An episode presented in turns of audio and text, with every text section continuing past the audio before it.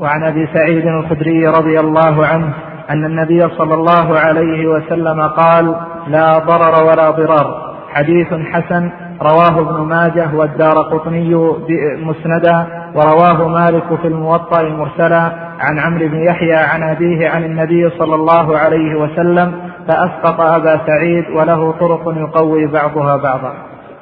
هذا الحديث وهو الحديث الثاني والثلاثون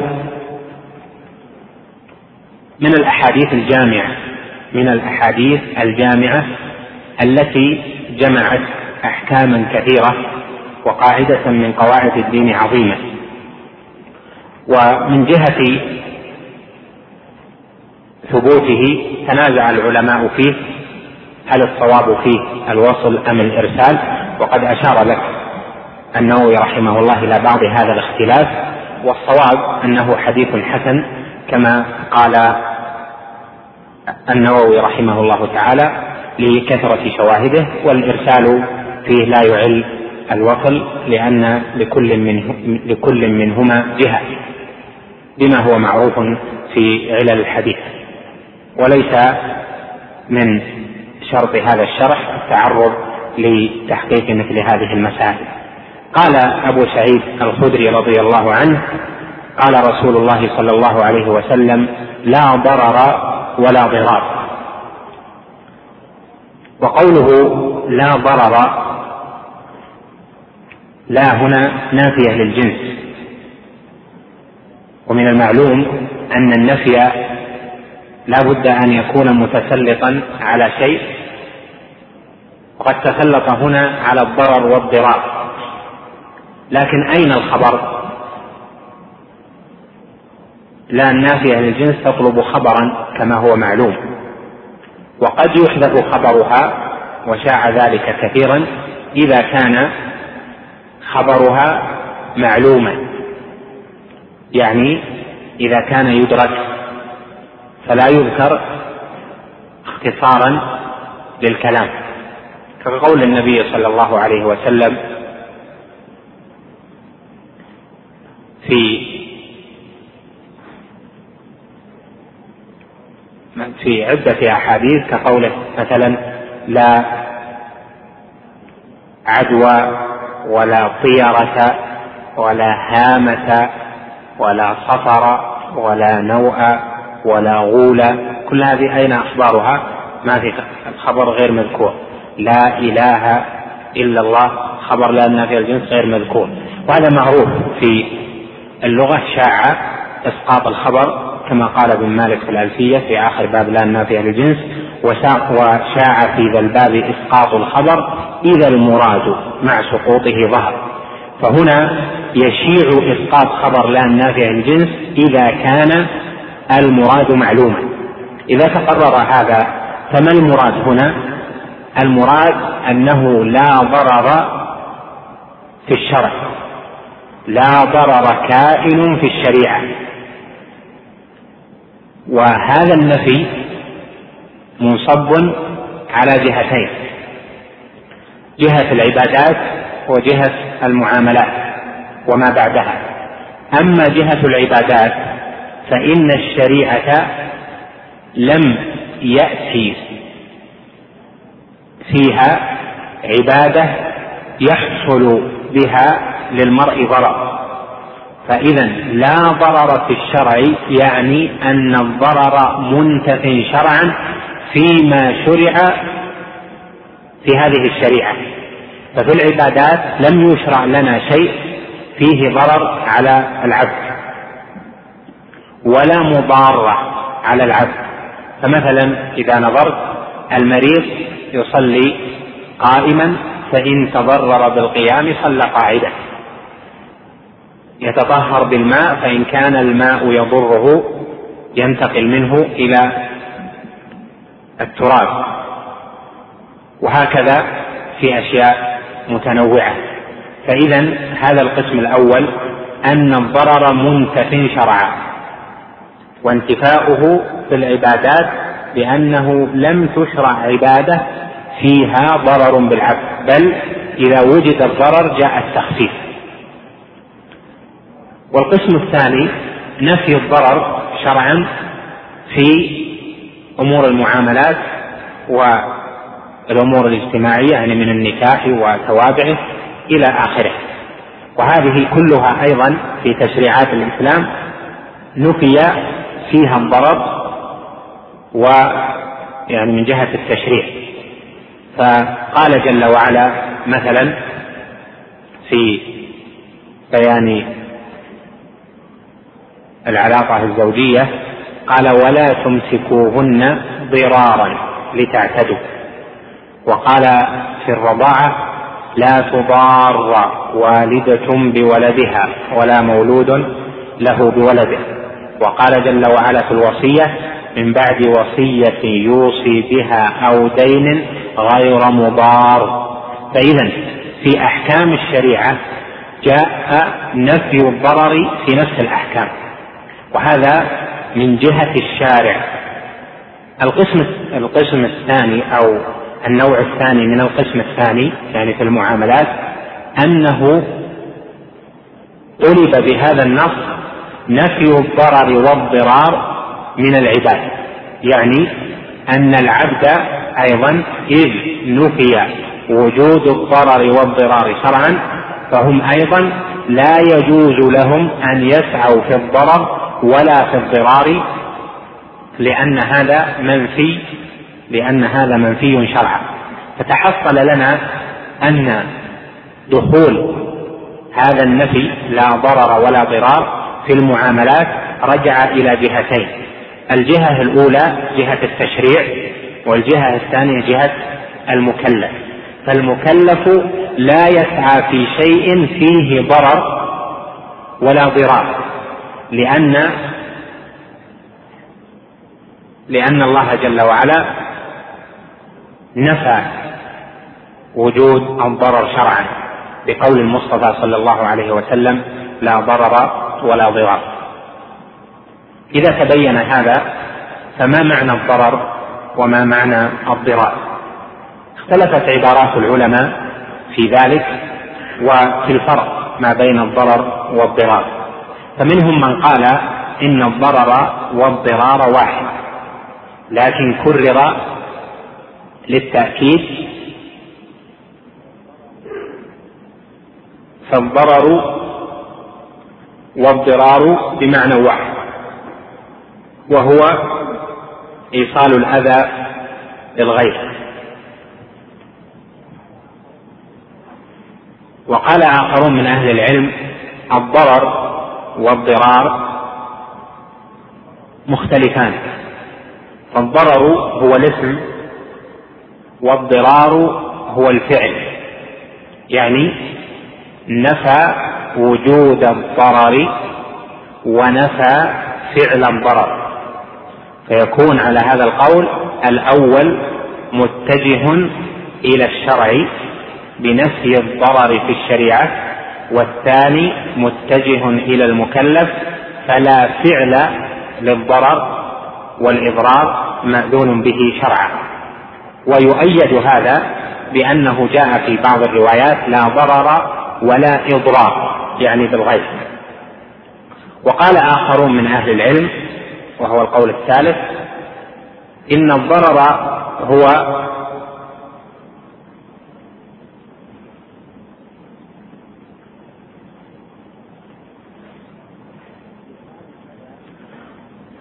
إيصال الأذى للغير بما فيه منفعة للموصل والضرار إيصال الأذى للغير بما ليس للموصل لموصل الأذى نفع فيه.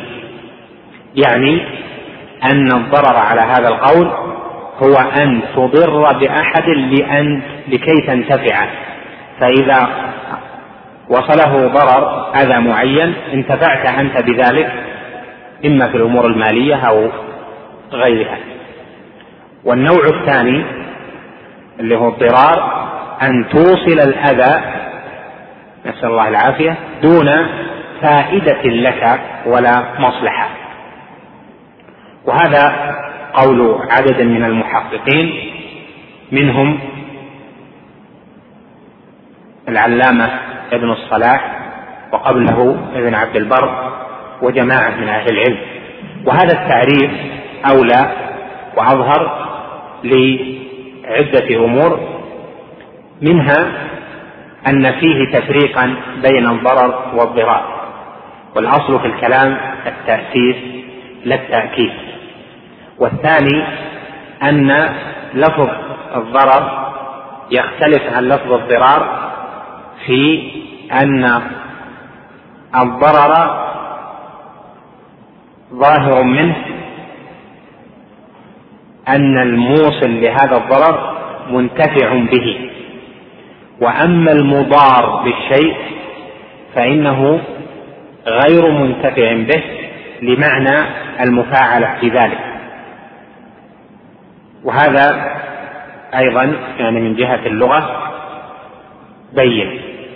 ومنها أيضا يعني مما يترجح فيه هذا المعنى أن الأفعال مختلفة ولا ضرر ولا ضرار إذا انتفى في الشرع يعني أنه لن يصل الأذى إلى المكلف أو نفي إيصال الأذى للمكلف هذا يشمل الحالات التي ذكرنا جميعا.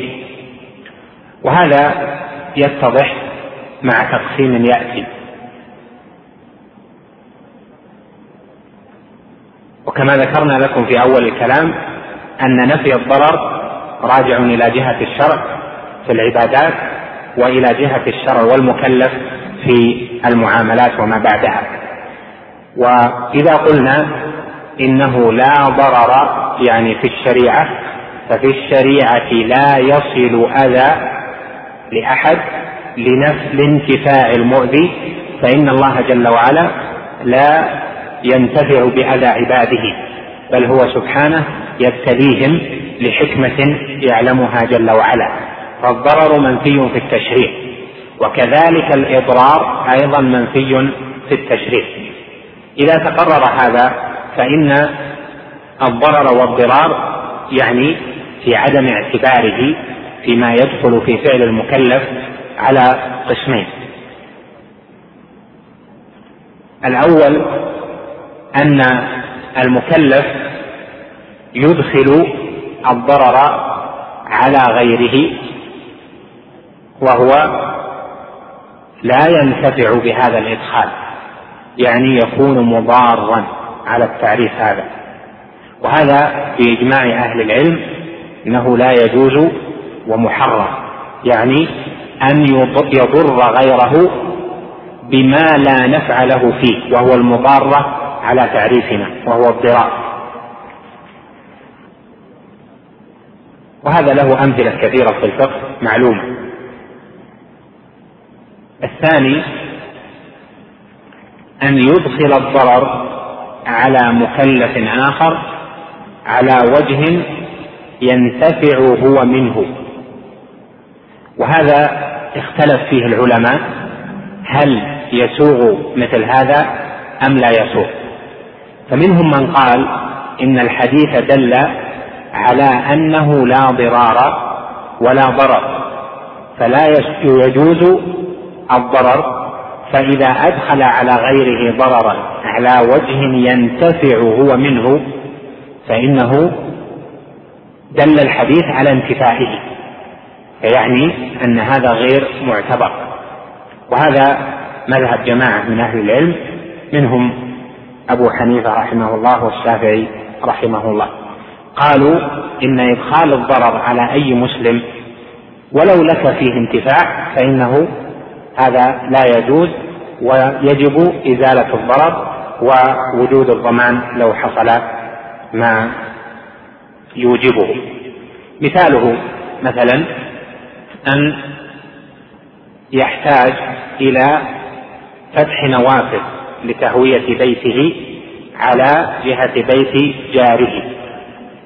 والجار يتضرر من فتح هذه النوافذ لأنه بها يطلع الجار على حرمات جاره. فهذا عند أبي حنيفة والشافعي ممنوع لأنه لا ضرر وقد دخل الضرر على الغير.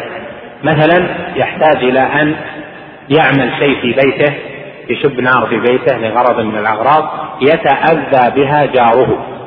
فهذا ضرر دخل على الجار وصل إليه وأذى وهو منتفع بذلك عند هؤلاء. هذا الضرر منتف ويجب رفعه وإذا اشتكوا إلى إذا اشتكى الجار جاره عند القاضي أمره بإزالة ما يلحقه من أذى. والقول الثاني في هذا وهو قول الإمام أحمد ووافقه مالك في بعض المسائل أن الضرر إيصال الضرر للغير ينقسم إلى قسمين. الأول أن يكون معتادا والمصلحة فيه ظاهرة. والثاني ألا يكون معتادا والمصلحة فيه غير ظاهرة. فإن كان معتادا والمصلحة فيه ظاهرة فيجوز أن يفعله لأن الناس لا يمكن أن يفعلوا فيما بينهم أشياء إلا وثم أذى يصيب الآخر منه. بيبني لا بد أنه يشب نار ويعمل أشياء يصل لو رائحة كريهة إلى. لكن هذا شيء معتاد لا بد منه. يريد أن يعمر مثلا بجانب جاره. لا بد أنه من الصباح وهم يضربون حتى يتأذى الجار ولا يستطيع الجار أن ينوم أن ينام صباحا من جراء العمل. فهذا عمل معتاد. ومثل هذا ولو وصل الضرر عند الإمام أحمد فإن مثل هذا غير منفي لأنه لا تصلح أمور الناس إلا بهذا. وأما إذا كان إيصال الضرر غير معتاد في أمر لا مصلحة لك فيه وغير معتاد فإنه يجب إزالته. في أشياء كثيرة من الأمثلة يعني مثل المثال الذي ذكرنا ثالثا مثل أبواب وشبابيك على الجار عند الإمام أحمد هذا مما جرت العادة به لأن الغرف تحتاج إلى تهوية إلى آخره فلا يمنع منه وهو المعمول به عندنا في ضوابط معلومة.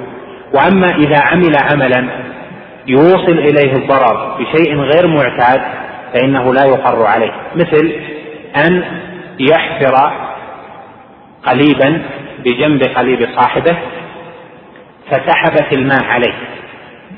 والماء لمن سبق فهذا يؤمر المتأخر بأن يزيل هذا الضرر لأنه غير معتاد ولا مصلحة فيه ظاهرة له لأن مصلحة الأول متقدمة عليه. مثال آخر لو أراد أن يحفر في بيته أو يبني يذهب يأتي بديناميت مثلا ولا بأشياء يتضرر معها بيت المجاور بتهدم بعضه أو بخلل في أركانه أو في أسسه أو أشبه ذلك ما أشبه ذلك. فهذا مما لا يكون معتادا فيمنع منه. وهذا القول قول الإمام أحمد هو التحقيق وهو الصواب لأن العمل جرى عليه ولأن مصلحة الناس لا تتم إلا بهذا. فإذا تحصل لنا من هذا والبحث في هذا الحديث يطول لأن قاعدة عظيمة يدخل فيها كثير من أبواب المعاملات والأمور الاجتماعية النكاح والوصية والطلاق وإلى آخره. تحصل لنا من هذا أن الضرر والضرار مختلفان وأن هذا له معنى وهذا له معنى وأنه منتفن الضرر والضرار شرعا يعني في التشريع وكذلك يجب على العباد أن لا يضر بعضهم بعضا وأن الضرر منه ما هو للعبد فيه مصلحة فهذا لا يجوز باتفاق والضرار الذي لا مصلحة للعبد فيه ولم تجري به العادة فهذا أيضا منفي. وأما ما يحصل به نوع أذى مع بقاء المصلحة وجريان العادة في ذلك فإنه لا ينفع شرعا ولا يجب به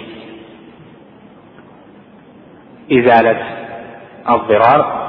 هذا ملخص ما في هذا الحديث من مباحث وهو يستدعي أطول من هذا بكثير من جهة التقسيمات والأمثلة لأنه داخل أيضا ضمن قاعدة فقهية وهي الضرر يزال ولها تفريعات كثيرة ربما مر معكم بعضها. نعم.